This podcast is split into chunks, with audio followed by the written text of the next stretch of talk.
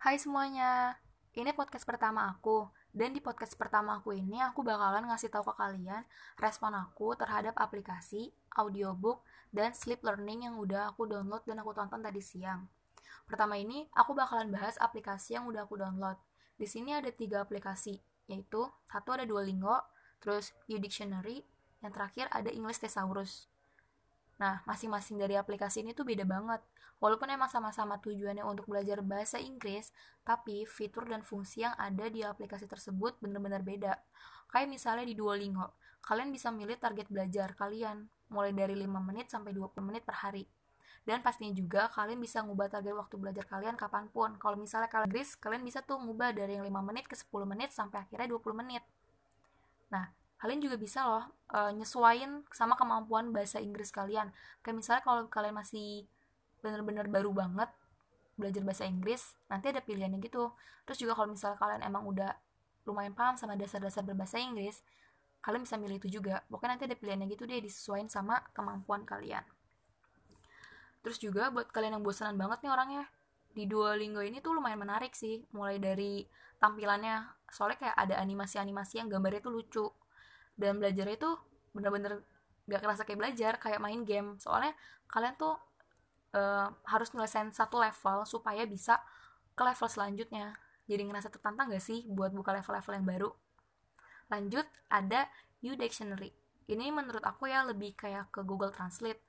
Soalnya kalian bisa translate bahasa dengan masukin kata atau kalimat. Tapi tapi nih di sini juga ada video-video gitu tentang grammar, vocabulary. Terus juga buat kalian yang suka banget belajar bahasa Inggris lewat lagu, di sini ada lagu-lagu yang um, bahasa Inggris dan lagu-lagu yang populer juga sih tentunya. Jadi kalian kalau misalnya emang suka banget belajar bahasa Inggris dari lagu, mungkin bisa download U Dictionary. Terus ada aplikasi yang namanya English Thesaurus.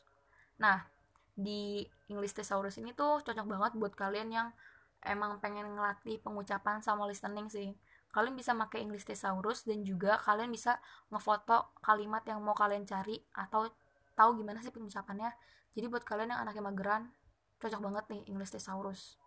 Aku download ketiga aplikasi ini di handphone sih ngegunain Play Store. Lanjut ya aku mau ngebahas tentang video audiobook yang tadi aku dengerin.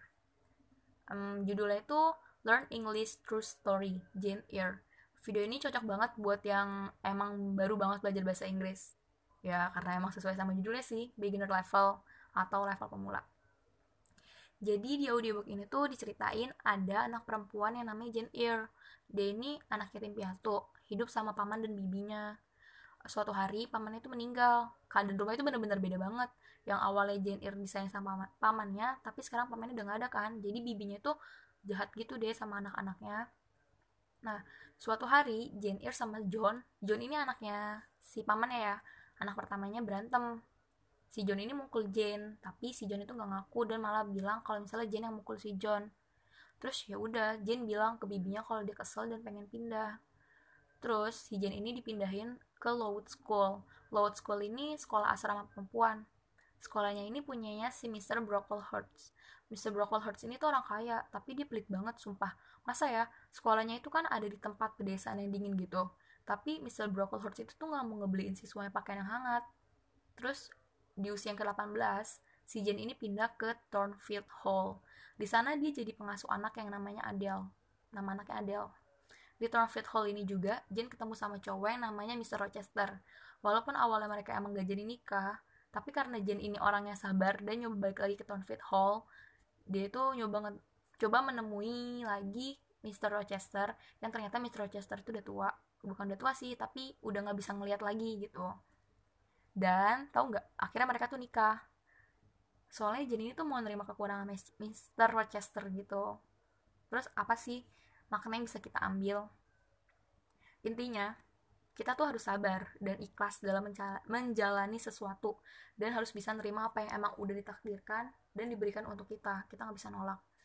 Daripada ngeluh-ngeluh nggak jelas mending tuh langsung kita kerjain aja. Karena emang sadar nggak sadar kan itu emang bakal selesai. Lanjut ya ke video selanjutnya yaitu learn English while you sleep. Jujur asli banget sih ini. Pas dengerin video ini tuh aku bener-bener ngantuk banget Tapi video ini menurut aku lumayan ngebantu untuk kalian yang emang pengen memfasikan pelafalan kalimat dalam bahasa Inggris. Soalnya di video ini pengucapannya diulang dua kali. Ya namanya juga buat ngajarin kita jadi lancar kan ngomong bahasa Inggrisnya. Jadi diulang dua kali.